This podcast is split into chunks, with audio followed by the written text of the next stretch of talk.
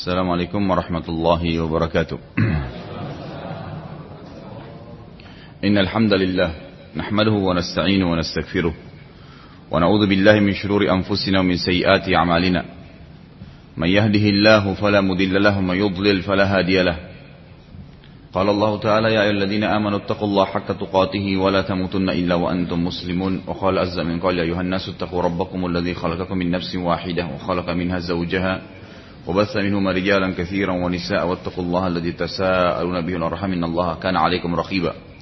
وقال عز وجل يا الذين آمنوا اتقوا الله وقولوا قولا سديدا يصلح لكم أعمالكم ويكفر لكم ذنوبكم ومن يطع الله ورسوله فقد فاز فوزا عظيما. أما بعد فإن أصدق الحديث كتاب الله وخير حديث حديث محمد صلى الله عليه وسلم وشر الأمور محدثاتها فإن كل محدث بدعة وبدعة ضلالة وإن ضلالة في النار. Bapak Ibu sekalian ikhwah akhwat rahiman rahimakumullah, seperti biasa melanjutkan tema As-Sirah An-Nabawiyah. Dan sekarang kita masuk ke atau melanjutkan tema tentang uh, prosesi penyiksaan orang-orang Quraisy ya, kepada sekelompok sahabat yang akhirnya membuat mereka hijrah ke Habasyah. Bahasan kita yang terakhir sekali adalah seorang sahabat yang mulia bernama Khabbab ibn Arad radhiyallahu anhu ini saya reviewkan aja. Walaupun sudah kita sebutkan pada pertemuan yang lalu. Termasuk orang yang paling berat siksanya dari kaum muslimin adalah Khabbab bin Arad radhiyallahu anhu, sahabat Nabi yang mulia. Tepatnya pada zaman Khilafah Umar bin Khattab radhiyallahu anhu, Khabbab sempat duduk, lalu Umar bin Khattab bertanya padanya, "Wahai Khabbab, siksaan apakah yang paling pedih yang pernah engkau alami dari Quraisy?" Khabbab lalu menjawab, Demi Allah wahai Amir Mukminin, belum pernah aku mengalami siksaan sepedih ini. Lalu apa yang terjadi? Khabbab radhiyallahu anhu memperlihatkan belakang tubuhnya atau bagian belakang dari tubuhnya yang terdapat padanya lubang yang melintang dari punggung sampai tulang ekornya. Jadi ada lubang dari dekat lehernya sampai ke tulang ekornya, lubang. Lalu yang kebetulan lubang itu berwarna hitam karena kena luka bakar. Umar radhiyallahu lalu heran sambil berkata, "Demi Allah, aku belum pernah atau aku telah melihat hari ini darimu sesuatu yang sangat menyedihkan. Bagaimana kejadiannya?" Khabbab bercerita radhiyallahu anhu, mereka memanaskan batu sampai memerah karena panasnya. Lalu mereka meletakkan batu tersebut di atas tanah Kemudian aku ditarik dengan keras sambil terbaring. Dan akhirnya tubuhku bagian belakang melewati batu panas tadi. Jadi batu itu ini sudah kita ceritakan yang lalu ya. Bagaimana batu itu dipanasin, dibakar sampai merah, ditaruh di padang pasir, habab dipegang kakinya, tangannya dua-dua, kakinya dua-dua dipegang, dan diceret dengan cara keras, tapi ditempelkan di tanah, sehingga melewati batu panas itu. Perlakuan ini sangat menyakitkan yang akhirnya membuat Khabbab radhiyallahu anhu yang membuat Khabbab radhiyallahu anhu mendatangi Nabi sallallahu alaihi wasallam. Perhatikan di sini jemaah sekalian. Kenapa kira-kira yang Allah pilih menjadi sahabat itu bukan kita? Pernah saya duduk dengan teman-teman saya kalau Bapak Ibu masih ingat pernah saya ceritain. Kemudian salah seorang di antara kami nyeletuk gini, enaknya jadi sahabat. Kenapa? Karena kan Nabi tunjuk, kamu di surga, kamu di surga, kamu di surga. Berarti jaminan tuh, tiket.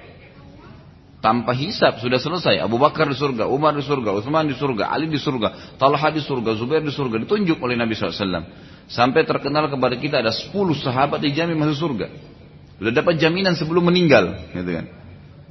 Lalu salah satu lagi di antara kami sempat bilang, iya kalau seandainya kita hidup di zaman Nabi kita jadi sahabat, tapi kalau kita jadi Abu Jahal, Abu Lahab, gitu kan? Coba bayangin Bapak Ibu sekalian kalau kita hidup di zaman Nabi Shallallahu Alaihi Wasallam, ada orang buta huruf, nggak bisa baca, nggak bisa nulis, di Mekah rumah masih dari tanah liat, nggak ada media seperti kita sekarang. Lalu tiba-tiba ngaku Nabi. Yang lebih luar biasa itu pada saat kejadian Isra Mi'raj. Ngaku perjalanan ke Palestina, satu bulan perjalanan, kemudian Mi'raj lagi ke langit, Ya, itu tidak tahu Allah alam berapa ribu tahun gitu kan. Kemudian turun lagi. Kalau dalam dalam dalam dalil Al-Quran dikatakan itu 50 ribu tahun jaraknya. Kemudian kembali lagi satu malam ke Palestina, kembali lagi ke Mekah. Semua orang siapa yang mau beriman pada saat itu? Kecuali orang-orang tertentu saja. Yang lainnya semua pada nolak, gitu kan? Tidak masuk di akal mereka. Perhatikan di sini jemaah sekalian. Kenapa dinukil kepada kita kisah-kisah para sahabat yang mulia ini? Agar kita bisa lihat memang mereka manusia pilihan. Nggak gampang di sini seperti Khabbab. Hanya untuk mengikuti seseorang yang mengaku nabi tapi buta huruf. Kita nggak tahu. Kan itu. Kalau sekarang lebih mudah, Al-Quran sudah lengkap, terjemahannya sudah ada, gitu kan? Sudah banyak orang yang beriman, sudah banyak fasilitas yang lebih mudah kita beriman. Jadi Allah alam, kalau kita hidup di zaman Nabi dulu beriman atau tidak itu kemungkinan besar apa yang terjadi Anda lebih tahu, gitu kan? Dengar di sini, Khabbab waktu sudah terluka seperti itu, Perlakuan Quraisy ini sangat menyakitkan yang akhirnya membuat Khabbab radhiyallahu anhu mendatangi Nabi sallallahu alaihi wasallam yang saat itu sedang berlindung di bawah naungan Ka'bah dan berkata, jadi sudah luka besar ini, udah kepanasan, udah luka bakar, bolong seperti itu, datang kepada Nabi SAW di depan Ka'bah, Nabi lagi duduk sambil pakai jubahnya beliau menutup kepalanya di depan Ka'bah berdoa kepada Allah. Tapi berkata Khabbab, Quraisy sudah menyiksa kami. Lalu apa yang terjadi? Ia memperlihatkan lukanya. Pada siapa? pada Nabi Muhammad SAW. Perhatikan jawabannya. Apa kata Khabbab? Mintalah pada Allah Subhanahu Wa Taala memberikan kemenangan dari kejahatan Quraisy. Ya, mungkin kalau salah satu kerabat anda, salah satu kelompok pengajian ada yang disiksa begini, kita pasti panas juga gitu kan. Tapi perhatikan di sini apa perilaku Nabi SAW. Mendengarkan hal tersebut, Nabi SAW lalu bersabda, wahai Khabbab, sesungguhnya orang-orang sebelum kita Orang-orang yang beriman sebelum kita dulu, nabi-nabi, pengikut nabi-nabi yang lain, itu digalikan untuknya lubang di tanah, lalu ia ditanam di dalamnya, hingga kepalanya saja yang kelihatan. Lalu didatangkan gergaji yang digunakan untuk membelah dua kepalanya, juga seseorang dari mereka dicabik-cabik daging dari tulang bes, tulang tubuhnya dengan besi yang keras, tidaklah itu semua membuat mereka meninggalkan agama mereka. Demi Allah wahai khabbab, pastilah Allah akan memenangkan dan menyempurnakan agama ini sampai-sampai seorang wanita berani menunggangi kuda dari Sana'a. Sana'a ini ibu kota Yaman. Ke Hadramaut, salah satu wilayah lagi di Yaman yang jaraknya kurang lebih 600 km. Antara Sana'a dengan Hadramaut. Ya, jauh sekali. Sendirian wanita itu dan ia tidak takut kecuali kepada Allah. Tetapi kalian kaum yang tergesa-gesa. Di sini ada sebuah riwayat yang saya tidak tulis jemaah sekalian, tapi riwayatnya begini. Lalu perawi hadis ini berkata, dan memang setelah tiba setelah Nabi Shallallahu Alaihi Wasallam meninggal dunia, itu di zaman Umar bin Khattab radhiyallahu anhu, benar-benar Yaman itu berhasil dikuasai oleh kaum muslimin, artinya menyebar Islam luar biasa di sana, sampai akhirnya ke ketentraman dan keadilan menyebar. Dan benar-benar perempuan menunggangi kuda sendirian jarak San'a ke Hadramaut tidak ada ketakutan kecuali kepada Allah Subhanahu wa taala. Kecuali kepada Allah Subhanahu wa taala saja. Jadi dia tidak takut lagi. Berarti keadilan sudah nyebar, Islam sudah nyebar, gitu kan? Ada dua pelajaran besar dari kisah Khabbab ini jemaah sekalian. Yang pertama adalah bagaimana kekokohan para sahabat dalam mempertahankan dakwah dan bagaimana umat sebelum kita lebih kuat lagi ini kenapa? Karena keyakinan yang mereka miliki. Keyakinan yang mereka miliki tentang Allah subhanahu wa ta'ala. Dan ini penting sekali. Yang membuat anda datang ke sini karena keyakinan kepada Allah subhanahu wa ta'ala. Ada pahala yang kita dapatkan tentang ke rumah Allah. Majlis ta'lim. Keyakinan itu yang ada. Dan keyakinan ini ada tingkat-tingkatannya. Makin sering kita pupuk maka makin luar biasa keyakinan itu. Yang kedua jemaah sekalian, ternyata orang-orang yang disiksa di jalan Allah Subhanahu wa taala itu Allah berikan kepada mereka ketenangan jiwa. Jadi kalau kita yang belum belum mengalami siksaan itu, seperti misalnya Bilal yang ditumpukan batu besar di dadahnya di padang pasir yang panas, ini Khabbab yang sampai bolong belakangnya. Kemudian ada sebelumnya kisah-kisah beberapa sahabat dan sahabiat yang kita tidak tidak ulangi lagi. Intinya mereka disiksa luar biasa gitu. Sampai berdarah, sampai setengah mati ada Misi ingat kisah Ammar sama ya, sama Sumayyah sama Yasir, tiga sahabat yang mulia satu keluarga. Si Yasir ya sama Sumayyah suami istri Sumayyah lagi hamil ditusuk oleh Abu Jahal perutnya sampai mati Kemudian si Yasir suaminya membela akhirnya dibunuh juga. Tinggal Ammar anaknya. Dan akhirnya Ammar juga disiksa oleh Abu Jahal. Sampai akhirnya Ammar mengucapkan kalimat kufur. Ya, karena Abu Jahal mengatakan saya tidak akan melewat lepaskan kamu wahai Ammar sampai kamu mengatakan unta lagi lewat ini unta Tuhan saya. Lalu Ammar pun akhirnya mengucapkan tapi hatinya tidak tenang mengucapkan itu. Tapi begitu keadaannya jemaah sekalian. Walaupun setelah itu Ammar kan datang melapor kepada Nabi Shallallahu Alaihi Wasallam. Nabi mengatakan wahai Ammar, kalau besok lagi kamu disuruh ucapin, ucapin aja. Karena sebenarnya Nabi SAW tahu hatinya Ammar bukan mau kufur, tapi disiksa, gitu kan? Nah inilah perjuangan Islam awal jemaah sekalian. Bayangkan beratnya itu. Ini kita belum bicara masalah ibadahnya mereka ya. Ini kita cuma bicara tantangan dakwanya. Bagaimana pada saat menerima agama, Ya, ini menerima siksaan itu bukan hal yang gampang. Bagaimana kalau kalau sudah tingkat kita bicara ibadahnya para sahabat itu luar biasa. Anehnya, ya, kita sekarang jemaah sekalian dengan sudah Islam menyebar, Islam punya kekuatan, pemahaman kita sudah luar biasa gampang, apalagi dengan fasilitas media seperti sekarang, itu luar biasa. Itu pun masih malas ibadah gitu. Udah pakai AC, keramiknya bagus, rumahnya bagus, nggak pernah sholat tahajud, gitu kan? Sahabat gelap, tanah liat, tidak pernah tinggalin tahajud. Sudah gajinya sudah bagus, penghasilannya bagus, segalanya masih nggak pernah infak. Sahabat itu kalau punya satu roti masih dibagi dua, setengahnya pakai dia makan, setengahnya dikasih fakir miskin. Berbeda sekali antara alam pikiran kita dengan sahabat, gitu kan? Makanya pernah satu kali jemaah sekalian Umar bin Abdul Aziz, salah satu khalifah yang masyhur di zaman Umayyah, yang berkuasa tahun 99 sampai tahun 101 Hijriah yang terkenal keadilannya. Dia salah satu keturunan Umar bin Khattab. Lalu dia menulis surat kepada Salim, salah satu cucunya Umar juga, anaknya Abdullah bin Umar radhiyallahu anjmain mengatakan, "Tolong kirimkan kepada saya kiat-kiat bagaimana Umar menjadi pemimpin dan bagaimana Umar membentuk para teman-teman atau sahabat-sahabatnya." Lalu Salim paling pertama menjawab apa? Itu Umar bin Khattab, sementara kau Umar bin Abdul Aziz. Beda. Kalau kau bisa sampaikan imanmu seperti imannya Umar bin Khattab, kau akan bisa.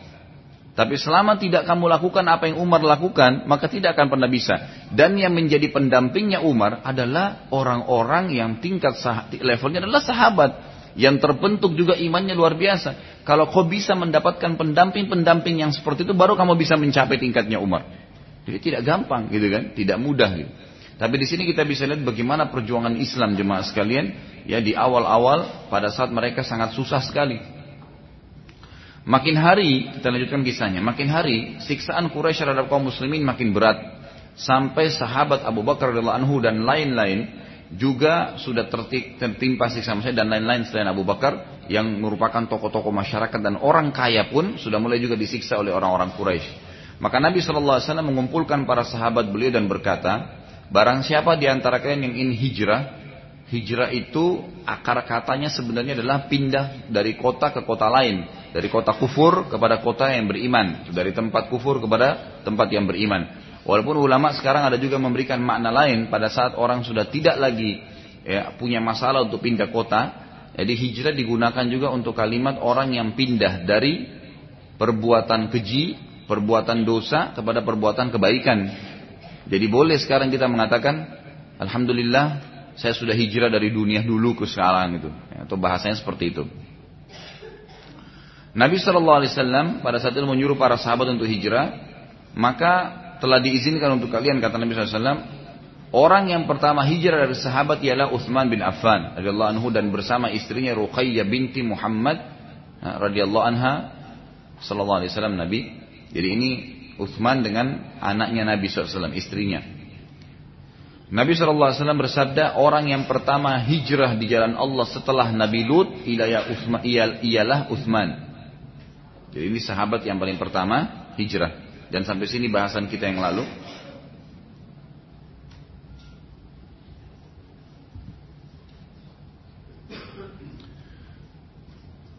Juga Menyusul setelahnya, ini mulai bahasan hari ini, lanjutan ini, hijrah. Tadi itu kisah Khabbab adalah akhir bahasan kita yang lalu gitu. Menyusul setelahnya ada Az-Zubair, Zubair bin Awam radhiyallahu anhu. Itu juga hijrah, Mus'ab ibn Umair radhiyallahu anhu. Ya, ini semua sahabat-sahabat yang mulia. Ummu Salamah radhiyallahu anha, Uthman bin Mad'un radhiyallahu anhu, juga Abu Bakar radhiyallahu anhu sendiri sempat hijrah, tetapi di tengah jalan mereka bertemu dengan suku yang bernama Al-Ahabish yang pemimpinnya bernama Abu Dukna.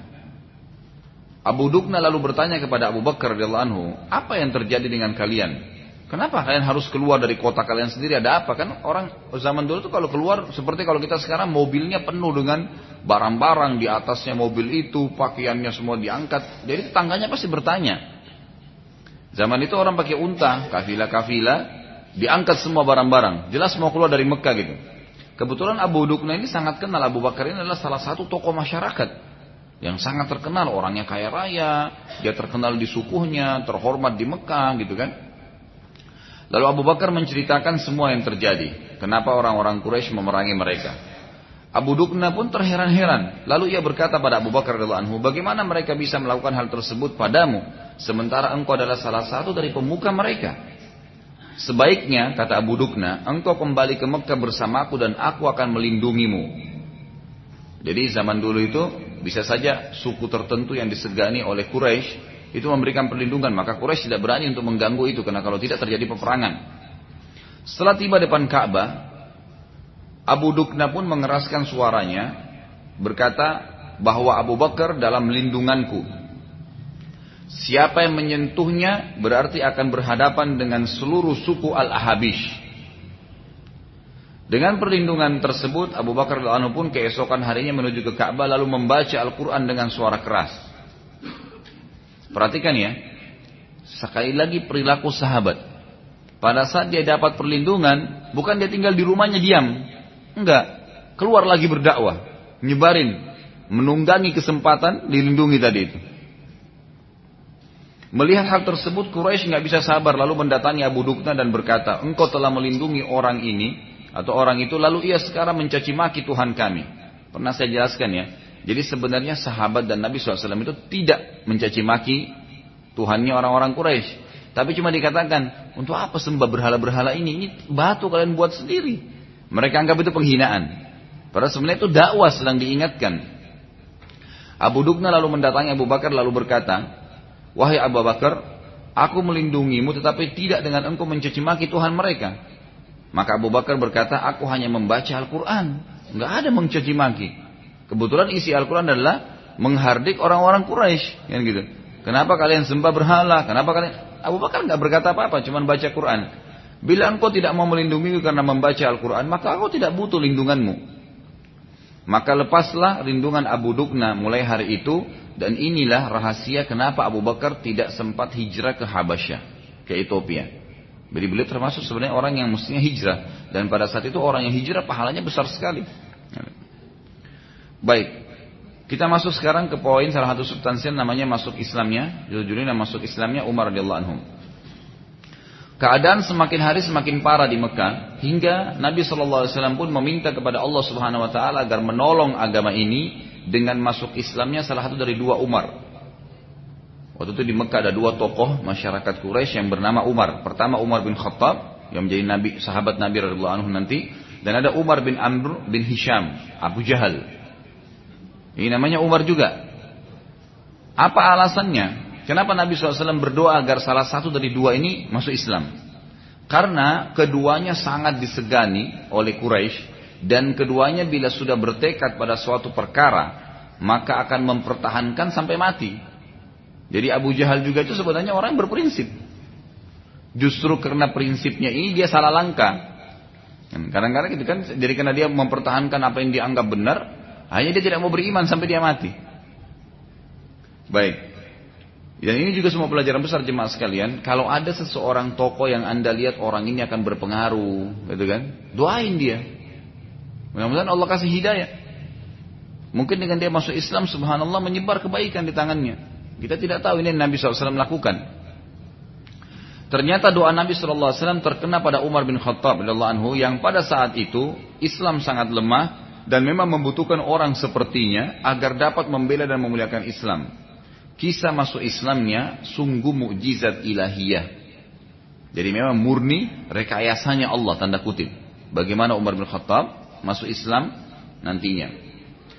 Kita masuk ke kisah Umar. Umar radhiyallahu anhu sangatlah keras terhadap kaum muslimin. Dan kasus pertama ia mulai lembut dengan umat Islam saat ia menemui seorang perempuan yang akan hijrah ke Habasyah yang bernama Ummu Abdullah.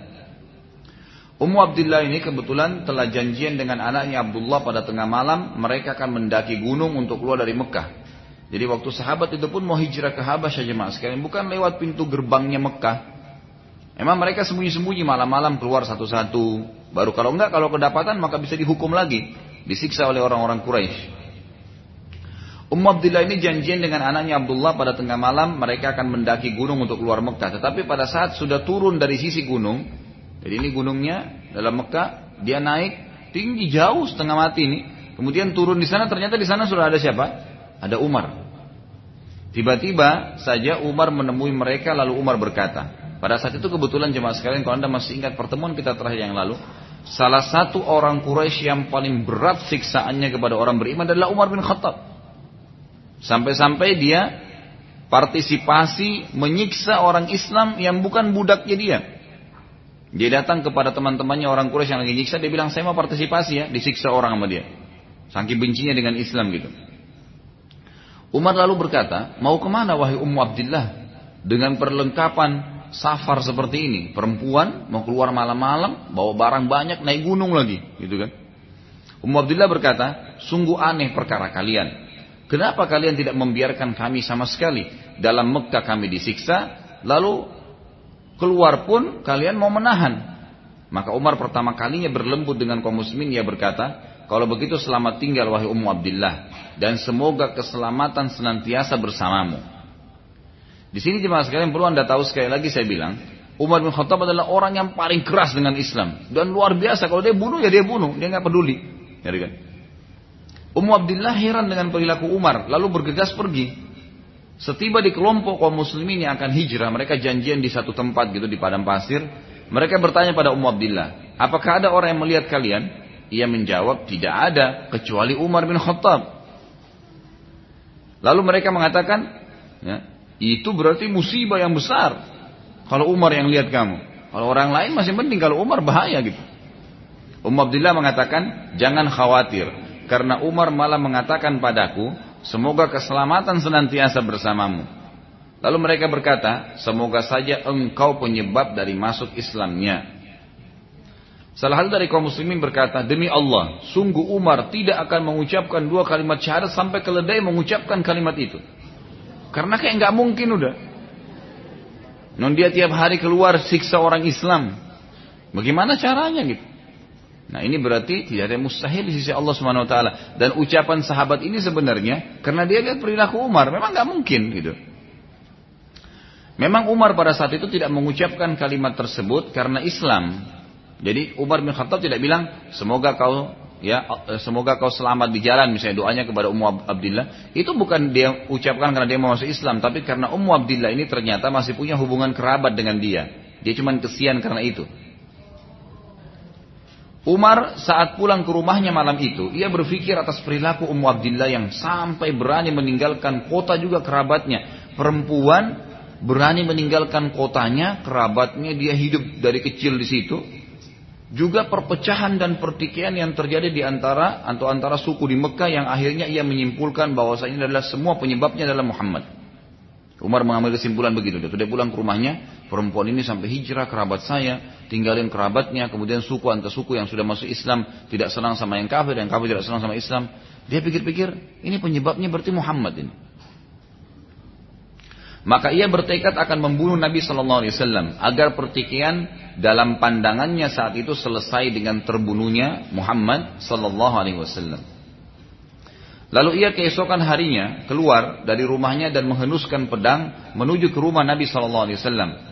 Di tengah perjalanan, salah satu sahabat ya, Nabi SAW yang menyembunyikan Islamnya pada saat itu, ia bernama Naim bin Abdullah. Ini kebetulan masuk Islam tapi dirahasiakan sama dia. Ia berkata, mau ke mana wahai Umar? Waktu dia lihat Umar penuskan pedang, pakai baju perang. Dan Umar ini terkenal. Dia kalau sudah niat bunuh, dia bunuh. Siapa pun yang tahan dia, dia lawan. Itu prinsipnya. Umar berkata, membunuh orang yang telah mencaci maki Tuhan dan orang tua kami juga menyebabkan perpecahan antara suku-suku Quraisy. Naim bin Abdullah radhiyallahu anhu merasa khawatir karena Umar bila ingin melakukan sesuatu maka ia pasti melakukannya. Maka ia ingin menakut-nakuti Umar dengan berkata, "Apa engkau mengira wahai Umar akan selamat dari serangan Banu Muttalib? Kalau kau bunuh Muhammad, maka pasti kau akan dibunuh oleh sukunya." Umar dengan tegas berkata apa? Walaupun Bani Muttalib membunuhku. Satu suku semua keroyok saya nggak apa-apa. Yang penting saya bunuh Muhammad. Gitu. Mendengar hal tersebut Naim bertambah khawatir karena Umar terhadap mati pun dia tidak takut. Maka Naim bin Abdullah karena ingin mengalihkan Umar sejenak, lalu ia bergegas mengingatkan Nabi Shallallahu Alaihi Wasallam. Ia berkata kepada Umar, kalau begitu, mulailah dengan kerabat terdekatmu, hai Umar. Jadi Naim ini ingin mengalihkan, kali kan Umar mau ke rumahnya Nabi, ingin bunuh Nabi, supaya tidak ke sana ada waktu jedah waktu dia bisa sampaikan kepada Nabi Shallallahu Alaihi Wasallam. Dia alihkan Umar, dia mengatakan, mulailah dengan kerabatmu kalau begitu, jangan mulai Muhammad. Umar berkata, siapa yang kau maksudkan? Naim bin Abdullah berkata, adik perempuanmu yang bernama Fatimah, yang juga menyembunyikan keislamannya waktu itu. Umar berkata, apakah ia sudah murtad? Naim berkata, iya, Naim ini sebenarnya bukan ingin mencelakakan Fatimah, tapi ingin menyelamatkan Rasulullah SAW. Karena kalau Rasulullah yang dibunuh oleh Umar, misal itu kan tidak akan terjadi, maka Islam sudah selesai, nggak bisa nyebar gitu kan. Maka Umar bergegas ke rumah adiknya Fatimah yang bersuamikan seseorang yang bernama Sa'id bin Amr bin Nufail. Ini kebetulan anaknya Amr bin Nufail yang muwahid sebelum penobatan kenabian. Masih ingat ya? Kalau tidak salah pernah Anda ingat ada tiga atau empat orang dari orang Quraisy yang sebelum Nabi dinobatkan jadi Nabi, mereka tidak menyembah berhala. Dan mereka meninggal dalam keadaan tauhid, berpegang pada agamanya Nabi Ibrahim. Jadi mereka masuk surga. Mereka masuk surga. Nah anaknya Amr bin Nufail ini kebetulan bernama Said menikahi adiknya Umar. Suami istri ini keduanya sedang belajar Al-Quran dari sahabat Nabi tadi yang bolong belakang itu, Khabbab bin Arad ngajar Quran di rumahnya. Umar saat tiba di rumah adiknya dan mendengarkan Al-Quran ditilawakan, maka ia segera mendobrak pintu hingga rubuh.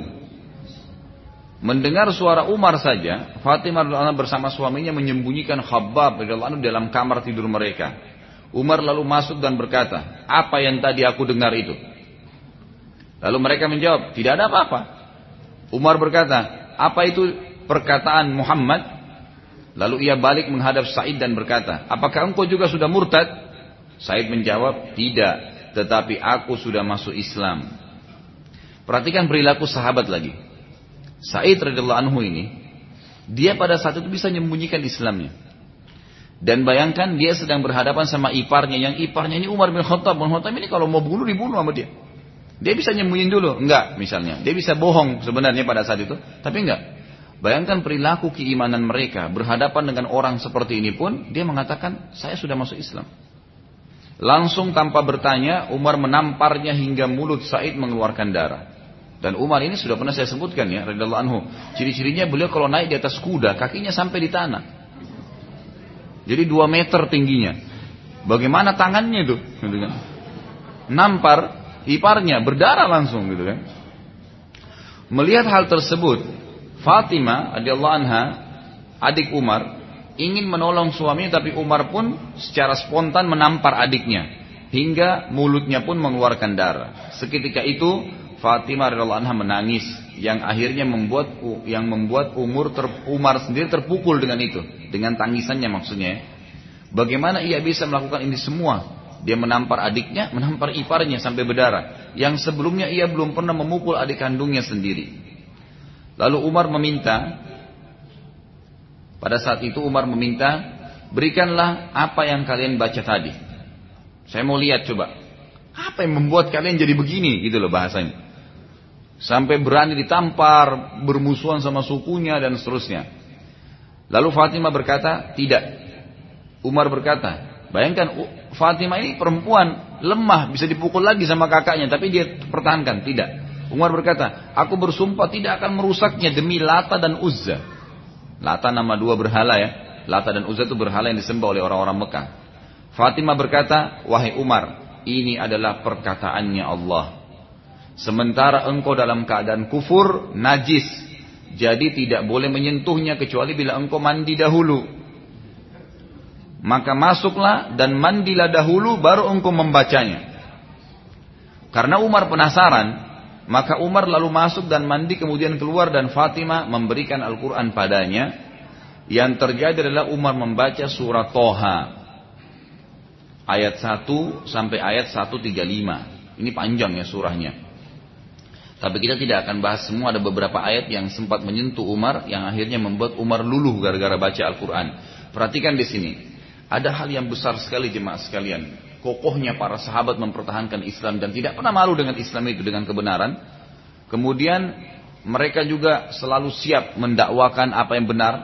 Jadi jangan sampai karena tidak enak sama tetangga, sama orang tua, sama teman yang orang non muslim, kemudian tidak apa-apa kita toleransi dengan akidah kita. Nggak bisa.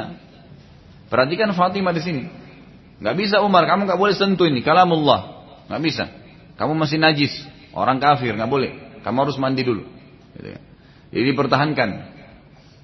Lalu yang dibaca oleh Umar adalah surah Taha bunyinya A'udzubillahi minasyaitonirrajim Taha ma anzalna 'alaikal qur'ana litashqa illa tadhkiratan liman yakhsha tanzilan mimman khalaqal arda was samawati ula الرحمن على العرش استوى له ما في السماوات وما في الأرض وما بينهما وما تحت الثرى وإن تجهر بالقول فإنه يعلم السر وأخفى.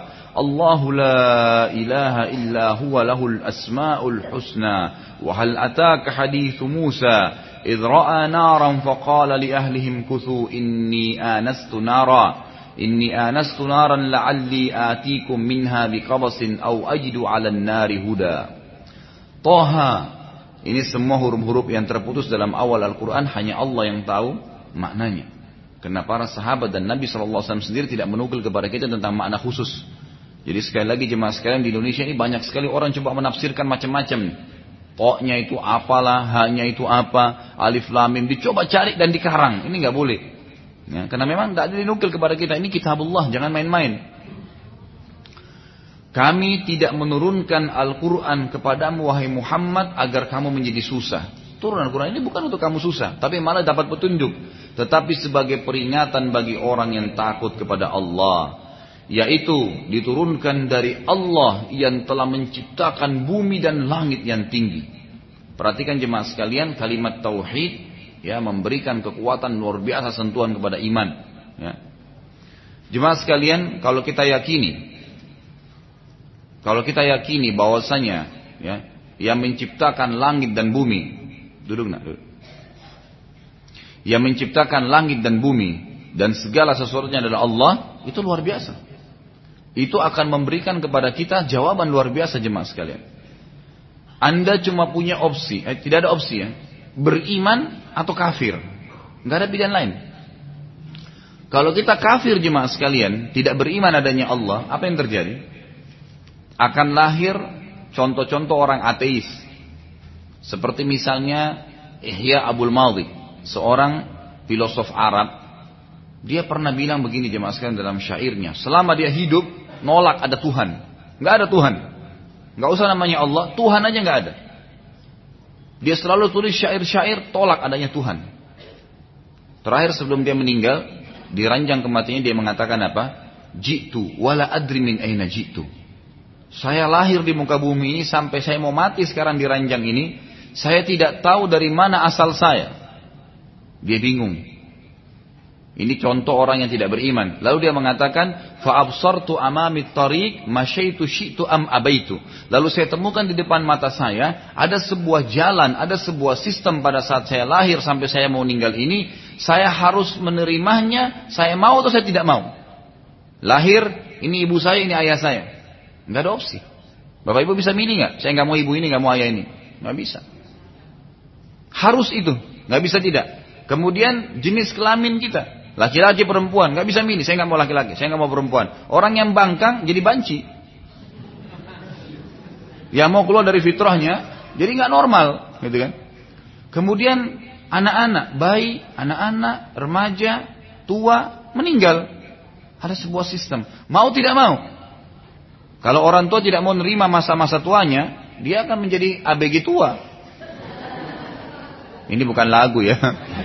Saya tidak tidak sengaja mengucapkan itu. Jadi bukan saya alhamdulillah tidak pernah dengarkan ke situ-situ.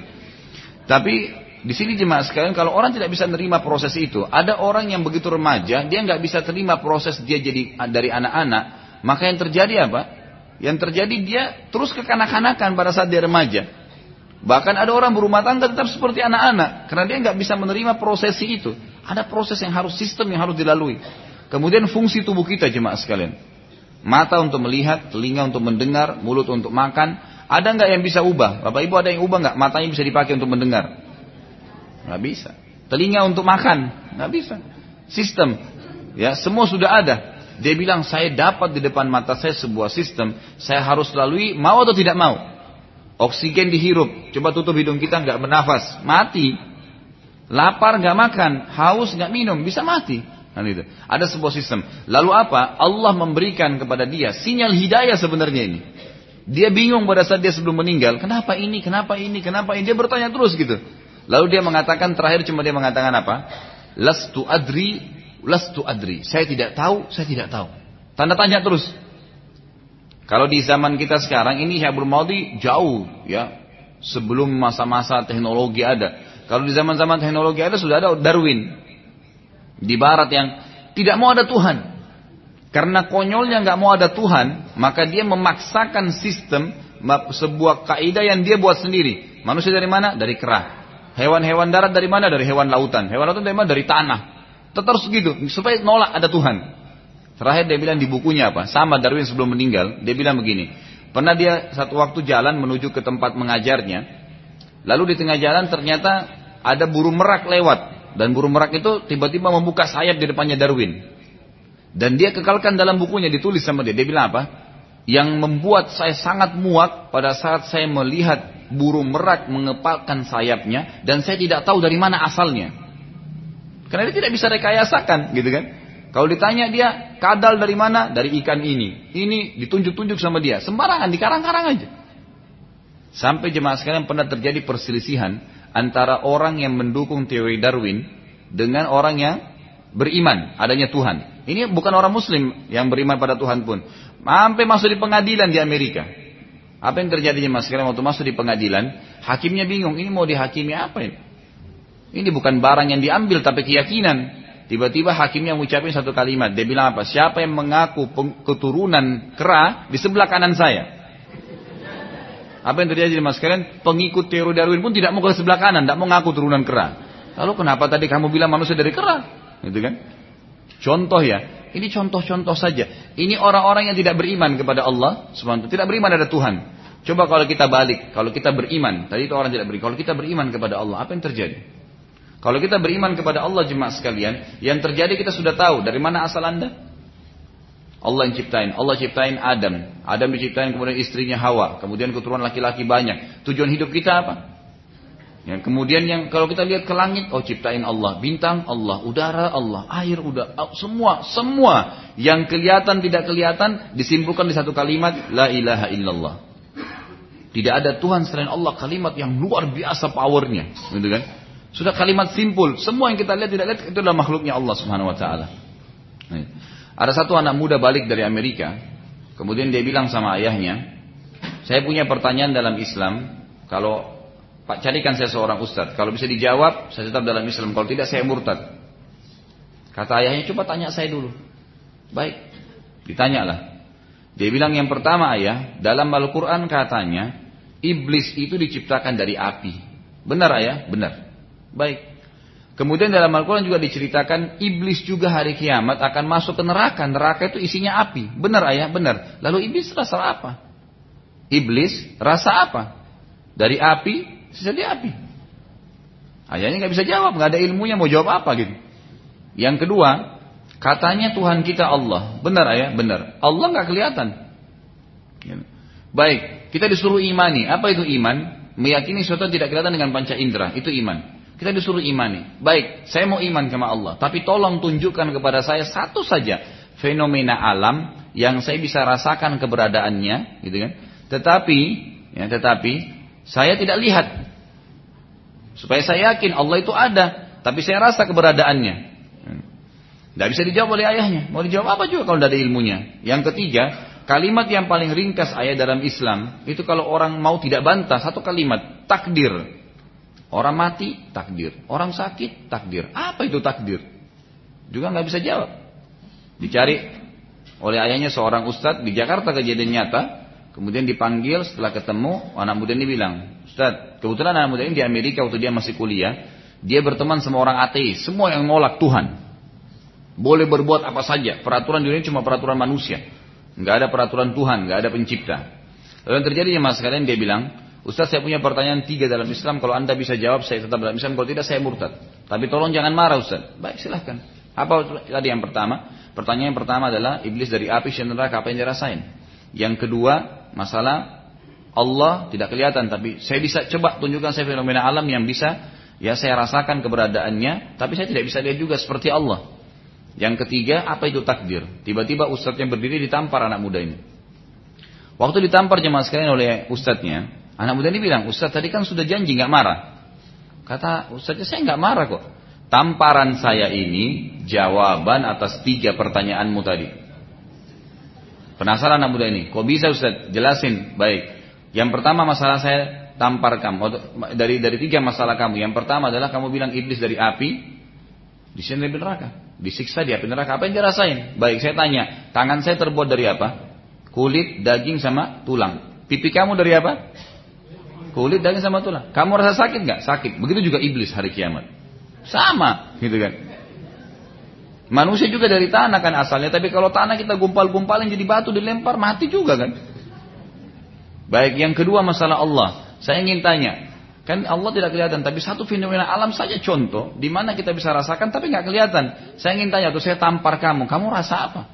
Sakit. Baik, kamu rasa itu sakit ya? Kamu bisa lihat tidak? Begitu juga Allah. Jadi banyak fenomena alam yang kita bisa rasa senang, rasa sedih, sakit, lapar, haus, nggak pernah kita lihat, gitu kan? Ada yang kita tidak bisa lihat, yang kita rasain setiap hari. Itu sudah cukup memberikan gambaran. Memang ada yang gaib, ada malaikat, ada syaitan, ada Allah Subhanahu wa taala, ada semua yang gaib, itu umum. Ya, itu semua sudah tahu. Kemudian yang ketiga masalah takdir, kata ustadznya, pernah nggak kamu berpikir akan ketemu saya hari ini dan saya tampar kamu? Dia bilang tidak pernah ustadz. Itulah takdir. Begitulah takdir gitu kan, datang. Artinya berjemaah sekalian, ini jawaban, ini contoh orang-orang yang tidak beriman kepada Allah. Tapi kalau kita beriman pada Allah, cuman kalimat la ilaha kita merasakan ketenangan yang luar biasa tuh. Ketenangan yang luar biasa karena kita tahu kita punya Tuhan. Ya kan? Kita tahu semua yang kita lihat dan tidak ini adalah diciptakan oleh satu pencipta Allah Subhanahu wa taala. Ini kata kunci. Dan kalau ini sudah masuk dalam hati seseorang jemaah sekalian, maka akan tenang. Kalau saya tahu saya punya Tuhan dan manusia depan saya ada Tuhannya, maka saya tidak berani mendolimi dia. Kan gitu.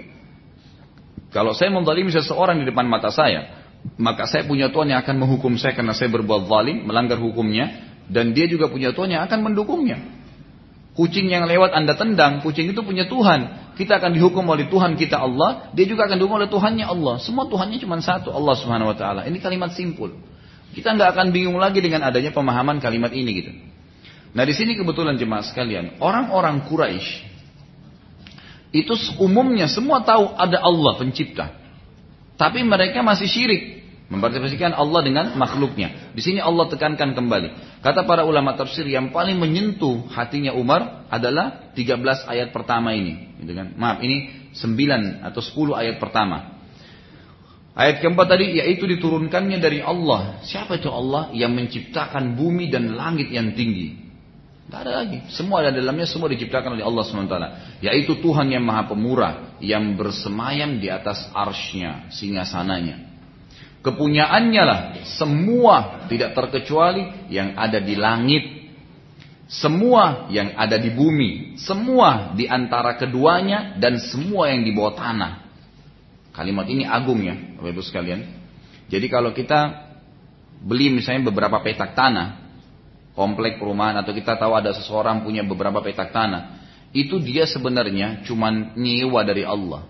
Cuman sebentar aja, bukan bukan dia pemiliknya. Allah yang pemilik semua ini, Allah yang ciptain. Kita ini cuma sekedar, oh iya beli gelas ini, oh iya beli tanah ini, oh iya beli buah ini. Tapi yang ciptain semua adalah Allah. Ini kalimat agung. Kan gitu. Yang harus kita tahu. Makanya semua ini akan dikembalikan kepada Allah. Tidak ada yang dibawa mati. Semua habis gitu kan. Tidak ada yang dibawa. nggak boleh. Ada yang boleh bawa, bawa, bawa tanahnya. Keramik rumahnya. Ya. Bawa rumahnya ke kuburan. Ada yang mau bawa? Gitu. Habis. Atau rumahnya dibongkar semua dijadiin kuburan dia. Tapi sama juga. Dia yang masuk ke dalam rumahnya. Bukan rumahnya yang masuk ke dia. Gitu kan. Nggak bisa. Karena semua apa? Miliknya Allah. Nggak bisa. Kita nggak bisa buat apa-apa gitu. Kita akan tinggalkan kembali. Nah, ini kalimat yang luar biasa. Kalau kita fahami ini jemaah sekalian, semua milik Allah. Maka tidak ada yang mustahil. Minta kepada Allah SWT penciptanya. Kalimat la ilallah sekali lagi memberikan ketenangan karena kita tahu kalau kita sakit yang ciptain penyakit Allah, Allah yang mampu angkat, bukan dokter. Gitu. Dokter hanya begitu saja. Saya lapar, yang bisa berikan makan Allah, gitu kan? Allah SWT segala sesuatunya. Dan jika kamu mengeraskan suaramu, maka sungguhnya dia mengetahui rahasia dan yang lebih tersembunyi. Kalau seandainya kamu ngerasin suaramu itu Allah tahu. Jangankan itu, yang disembunyikan dalam hatimu aja itu Allah tahu. Semua Allah tahu. Allah SWT maha mengetahui. Hati-hati jemaah sekalian, saya sering sampaikan dalam pengajian saya, kadang-kadang di depan mata kita ini, kita anggap itu benda mati. Tapi itu hidup di mata Allah subhanahu wa ta'ala. Hati-hati. Contoh, batu. Contoh mungkin apa saja yang kita anggap benda mati ya, itu sebenarnya hidup di mata Allah Subhanahu wa taala. Saya kasih contoh begini. Ada sebuah hadis Bukhari yang berbunyi dan kita sudah pelajari di sirah juga itu. Nabi Muhammad SAW waktu pertama terima wahyu Iqra bismi khalaq itu kan. Seringkali kan beliau bolak-balik ke Gua Hira tuh.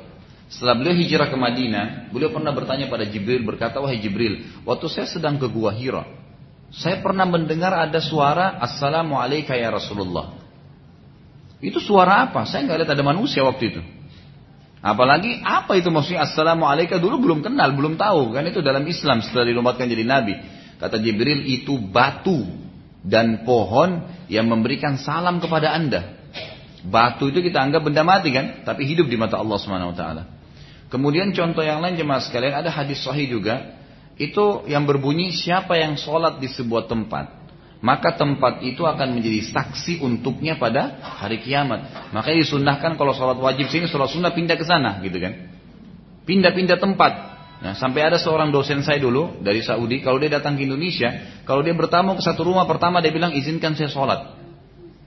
Dia wudhu langsung sholat di ruangan sholat di mana dia minta izin sholat. Karena itu akan jadi saksi tempat itu untuknya pada hari kiamat. Kemudian yang ketiga jemaah sekalian ada seorang sahabat dalam hadis Bukhari bernama Abdurrahman berkata kepada seorang sahabat Nabi yang lain bernama Abdullah. Abdullah ini kebetulan pengembala kambing. Abdurrahman berkata, "Wahai Abdullah, kalau kau sedang mengembala kambing di padang pasir, kemudian ya kemudian kam tiba waktu sholat, maka azanlah dan keraskan suaramu karena tidak ada sesuatu pun di langit dan di bumi yang mendengarkan suaramu kecuali pasti menjadi saksi untukmu pada hari kiamat. Dalam hadis lain dikatakan tidak ada sesuatu dari malaikat, jin, batu, udara, air yang mendengarkan suaramu kecuali akan jadi saksi pada hari kiamat. Contoh dalil yang keempat hadis Bukhari juga. Saya tidak tahu pernah saya sampaikan tidak riwayat ini, tapi kalau sudah pernah dengar review saja. Di, di, di, di zaman dulu jemaah sekalian masjid itu dibuat uh, dindingnya dari batang-batang kurma. Yang ditebang atasnya, ditebang akarnya, ditanam. Didempetin semua jadi dinding. Gitu. Rumah sama masjid dulu begitu cara buatnya. Kebetulan di depan mihrabnya Nabi SAW itu ada batang kurma yang besar sekali. Besar sekali dan itu sudah ditebang atasnya, ditebang akarnya. Jadi bagi kita sudah mati. Seperti pohon-pohon yang kalau kita tebang gitu kan, batangnya sudah kita bisa pakai kan gitu kita dianggap sudah mati. Nah ini contohnya. Waktu itu Nabi SAW setiap kali kalau khutbah Jumat, lagi ceramah, nyampein pengajian wahyu, itu beliau selalu sandar di batang kurma itu, di depan mihrabnya. Jadi selalu sandar kemudian nyampein. Ada seorang sahabiat Nabi perempuan berkata, "Ya Rasulullah, saya lihat Anda capek sekali kalau begitu. Saya punya seorang budak laki-laki yang mahir membuat memahat kayu. Bisa nggak saya suruh buat dia mimbar buat Anda?" Kata Nabi SAW, "Silahkan." Dan itu waktu ini ceritanya pertama ada mimbar zaman Nabi SAW sebelum tidak ada mimbar gitu kan. Lalu dibuatlah oleh budaknya si wanita tadi. Setelah selesai, tepatnya hari Jumat, Nabi SAW keluar dari rumahnya karena rumah beliau dempet dengan masjid. Beliau masuk untuk naik ke mimbar khutbah. Beliau lihat, beliau mau khutbah Jumat, beliau lihat ada mimbar. Beliau naik ke atas mimbar. Kata Anas bin Malik radhiyallahu anhu perawi hadis ini dalam riwayat Bukhari berkata, waktu Nabi SAW sudah naik di mimbar memberikan salam dan Bilal mulai azan, seperti kita biasa mulai azan Jumat, yang terjadi jemaah adalah kata Anas kami mendengarkan suara tangisan anak bayi. Lama-lama makin besar seperti tangisan anak-anak, makin besar gitu. Lalu yang terjadi apa jemaah sekalian? Berkata Anas bin Malik, kami lihat satu sama yang lain di masjid tidak ada anak kecil dan kami lihat Nabi SAW turun dari mimbarnya menuju ke batang pohon yang ada di depan mihrabnya lalu memeluknya seperti memeluk anak kecil dan berkata demi Allah dia telah menangis karena kehilangan zikrullah artinya saya nggak sandar lagi dengan dia kalau nyampein wahyu saya udah pindah ke kayu yang lain di mimbar gitu bahasanya kayu ini nangis yang kita anggap sudah benda mati tadi, tidak ada lagi akarnya, nggak ada lagi itu benda mati kita anggap gitu kan. Lalu kata Nabi SAW dan demi jiwa aku yang ada di tangannya, kalau aku tidak memeluknya, dia akan menangis sampai hari kiamat. Contoh gitu kan. Dan cukup banyak dalil berhubungan dengan bahwasanya benda-benda ini adalah mati di mata kita tapi sebenarnya hidup di mata Allah Subhanahu wa taala. Apa yang saya ingin jadi beratkan sini jemaah sekalian? Karena ini ada kata-kata ayat di sini dan jika kamu mengeraskan suara maka sungguhnya dia Allah mengetahui yang rahasia dan lebih sembunyi lagi daripada rahasia. Kan gitu. Jemaah sekalian, banyak orang yang sangat jahil. Pada saat dia ke hotel berdua dengan pasangannya yang haram, berzina, Lalu dimatikan lampu, dia pikir dia cuma berdua sama pasangannya. Dia lupa tembok hotel itu, ranjang yang dia pakai, udara yang dia hirup, air yang dia minum, semua makhluknya Allah akan jadi saksi jemaah sekalian pada hari kiamat. Hati-hati. Lampunya, udaranya, gordennya, semua besi-besi di ranjang itu, kayunya akan jadi saksi pada hari kiamat. Bahkan tubuh kita sendiri sekarang akan menjadi saksi pada hari kiamat. Dalam hadis Bukhari dikatakan ada seseorang nanti hari kiamat setelah rakib dan atid nyampein laporannya, ternyata laporan atid lebih banyak. Dosa-dosanya lebih banyak. Maka dia bilang, saya tidak percaya ini semua ya Allah. Gak mau percaya, gak mau terima rakib dan atid. Baik Allah bilang, siapa yang kau percaya? Saya cuma percaya diri saya sendiri. Kata Allah, baiklah. Lalu kata Nabi SAW, Allah kunci mulutnya. Lalu Allah buat seluruh anggota badannya bicara. Matanya bilang cerita histori, ya Allah saya pada uh, hari kesekian saya pernah melihat yang haram, ya Allah hari kesekian hari semua sejarahnya sampai dia mati. Apa yang matanya pernah buat pelanggaran. Lalu telinganya bicara. Ya Allah memang saya pernah dengar pada tanggal hari ini, pada jam ini, dini, dan seterusnya sampai dia mati. Kemudian eh, tangannya bicara. Ya ya Allah saya pada hari ini memegang kakinya. Kemaluannya pun bicara. Iya ya Allah, saya pernah berzina pada hari ini. Di histori sampai dia mati. Sudah selesai. Lalu Allah buka mulutnya, dibuat bicara. Lalu apa yang dia mengatakan? Lima syahidtum alaina.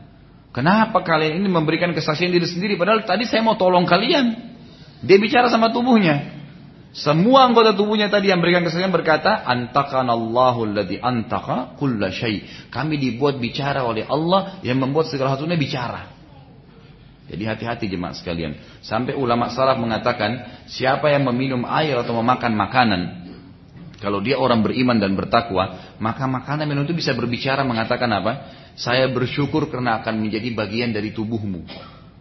Kalau dia orang fasik ahli maksiat, maka itu bicara mengatakan kalau bukan takdirnya Allah, saya tidak akan pernah terima bagian dari tubuhmu. Jadi hati-hati. Gitu kan? Semua ini memberikan kesaksian pada kita. Udara yang Bapak Ibu hirup itu yang satu juta kali memberikan kesaksian pada saat saya sedang dihirup ya Allah, dia sedang berzina. Pada saat dia hirup ya Allah, dia sedang sholat sujud, dia sedang berdoa. Jadi seterusnya. Jadi hati-hati. Ini semua akan ada pertanggung jawabnya jemaah sekalian.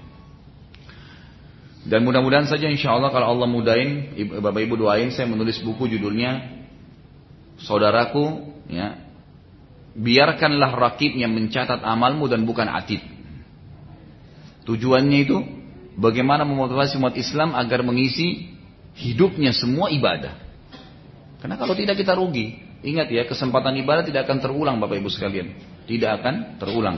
Mohon maaf, setiap materi Anda perhatikan sirah saya, saya tidak pernah fokus baca terus. Apa yang saya bisa hubungkan dengan masalah keimania, iman, maka saya akan tambahkan. Karena itu yang penting. Kan gitu. Jadi kita ambil pelajaran-pelajaran besar dari situ. Jadi biarkan rakib yang catat jemaah sekalian, bukan atid. Kalau kalau rakib catat alaihissalam, anda akan bahagia di dunia dan di akhirat. Kalau atid yang catat, anda akan susah. Karena akan dihisap hari kiamat berat. Dan itu berat sekali.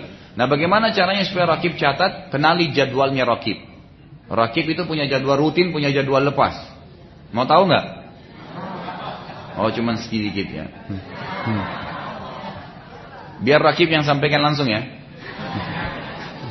Baik. Saya sampaikan gini jemaah sekalian, jadwal rutin itu kan seperti misalnya bangun tidur baca doa, kemudian sholat sunnatul fajar, kemudian sholat subuh, kan gitu. Habis itu ada zikir pagi.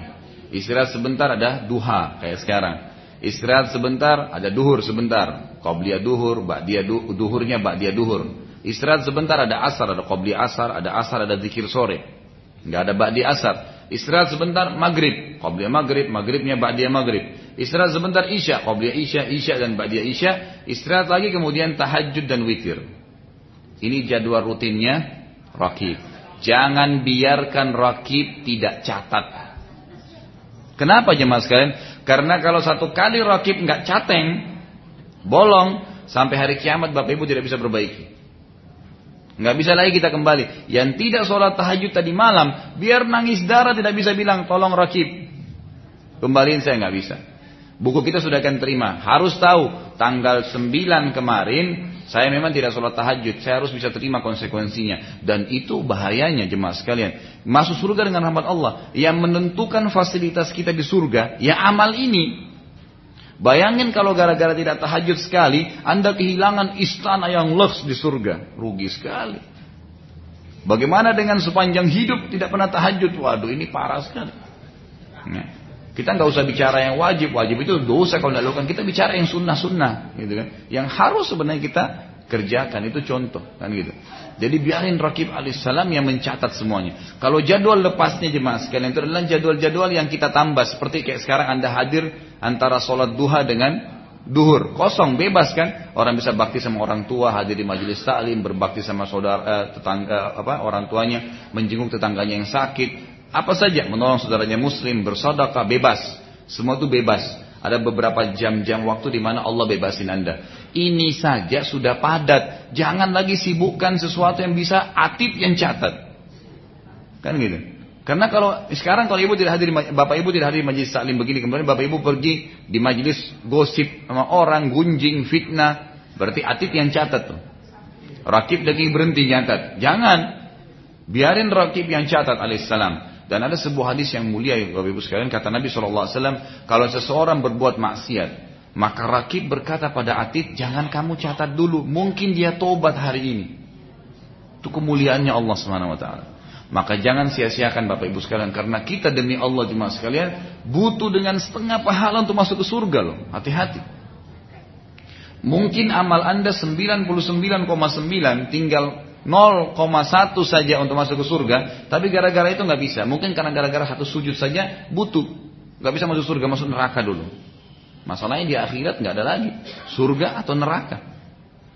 Ini kalau yang hadir kemarin di Al Azhar hari Senin saya sempat ingatkan poin ini, tapi saya ingatkan karena ada pasti jemaah yang tidak hadir. Ada juga kalimat yang sering saya sampaikan dalam pengajian jemaah sekalian, jadikanlah menit hidup anda semuanya menit emas. Begini maksudnya. Bapak Ibu sekalian, Tahukah anda bahwasanya satu menit itu anda bisa beristighfar seratus kali? Contoh, astagfirullah, astagfirullah, astagfirullah. Itu satu menit pakai stopwatch 60 detik. Bapak ibu hitung, bisa seratus kali. Tahukah anda dengan satu istighfar cukup untuk mengampuni dosa kita seumur hidup? Gimana dengan seratus? Satu menit. Bapak ibu tahu satu menit itu apa? Kalau kita masuk rumah mau buka baju keluar kita ganti dengan baju rumah satu menit tuh. Bahkan mungkin lebih. Mungkin dari dari jalan dari kamar kita mau ke dispenser ambil air satu menit. Mungkin teman-teman yang naik motor atau naik kendaraan dari pintu rumahnya ke kendaraannya satu menit. Buka helm mungkin bisa satu menit. Dan taruh. Itu bisa dipakai dengan istighfar seratus kali. Satu menit jemaah sekalian bisa anda gunakan untuk mendapatkan harta karunnya surga. Bagaimana kalau di rumah kita tiba-tiba ketahuan jemaah sekalian di depan rumah anda ada harta karun dari zaman Belanda. Kira-kira anda apakan rumah anda? Di blokade semuanya. Walaupun nanti ternyata itu kotak kosong aja. Misal, harta karun orang bangga. Bayangkan kata Nabi SAW, La hawla wa la quwata illa billah, kanzun min kunuzil jannah. Mengucapkan satu kali saja la hawla wa la quwata illa adalah harta karunnya surga. Kata ulama hadis orang yang rajin baca la hawla wa la quwata illa billah, setiap saatnya nanti di surga dikejutkan dengan keluar dari tanah sebuah harta karun, sebuah sesuatu yang membuat dia bangga. Dan itu tidak dapatkan kecuali orang yang mengucapkan ini. Satu menit Anda bisa ucapkan 40 kali. La haula wa la quwata illa billah. La haula wa la quwata illa billah. Biarin rakib catat. Kan gitu. Satu menit jemaah sekalian, Anda bisa mendap Anda bisa memberatkan timbangan Anda pada hari kiamat dan Anda bisa mengundang cintanya Allah. Kata Nabi SAW, kalimatani khafifatani alal lisan, thaqilatani fil mizan, habibatani lir rahman, subhanallahi wa bihamdi, subhanallahil azim. Dua kalimat yang sangat ringan di lidah, yang sangat berat di timbangan pada hari kiamat dan sangat dicintai oleh Allah. Subhanallah wa bihamdi, subhanallahil azim. Satu menit jemaah sekalian Anda bisa baca 50 kali. Subhanallah bihamdi, subhanallahil azim, subhanallah bihamdi, subhanallahil azim. Itu tapi ucapannya benar ya. Jangan subhanallah, subhanallah. Sama aja. Subhanallah wa bihamdi subhanallahil azim. Subhanallah bihamdi subhanallah. Cepat tapi berbobot gitu kan, berkualitas. Ini bisa 50 kali cuma berarti Anda dengan satu menit bisa 50 beban berat Anda taruh di timbangan Anda hari kiamat dan bisa mengundang 50 cintanya Allah. Rahmanus samawat ini maha pengasih langit dan bumi bukan main-main gitu, bukan raja, bukan presiden gitu kan. Dengan satu menit sekalian, jemaah sekalian, Anda bisa mendapatkan dunia dan seluruh yang ada padanya. Lebih baik daripada seluruh isinya. Kata Nabi SAW, li'an akula, subhanallah, walhamdulillah, wa la ilaha illallah, wallahu akbar, ahabbu ilayya min minad dunya wa ma. Saya mengucapkan satu kali saja subhanallah alhamdulillah wala ilaha illallah Allah akbar lebih saya cintai daripada dunia dan seluruh isinya. Kata para ulama hadis, nanti pada hari kiamat orang yang mendapatkan pahala satu kali saja mengucapkan subhanallah alhamdulillah wala ilaha illallah Allah akbar itu lebih dia cintai daripada dunia seluruh isinya, lebih baik daripada dunia seluruh isinya. Saya kasih contoh gini. Bapak ibu mungkin yang sudah berumah tangga kalau anda dikaruniakan oleh Allah pasangan yang baik, alhamdulillah sebuah nikmat yang besar, bagian daripada dunia. Anda kalau dikasih anak, bagian dari dunia, dikasih mobil, bagian dari dunia, dikasih rumah, bagian dari dunia. Itu sudah besar sekali nikmatnya. Ada rumah, ada mobil, ada pasangan, ada keturunan. Ada lagi usaha. Itu kita sudah luar biasa, dianggap luar biasa gitu. Itu bagian daripada dunia. Bagaimana kalau dapat dunia dan seluruh isinya, bahkan lebih baik? Hanya dengan subhanallah, alhamdulillah, wa la ilallah akbar. Ini kalau Bapak Ibu hitung satu menit bisa 30 kali. Subhanallah, alhamdulillah, wa la ilaha illallah, Allah akbar. Satu menit. Mas Dengan satu menit, Anda bisa memanjangkan umur Anda dan Anda bisa memperluas rezeki Anda. Mau nggak? Nah, dua tiga orang saja. Ya gitu biar setannya lari gitu.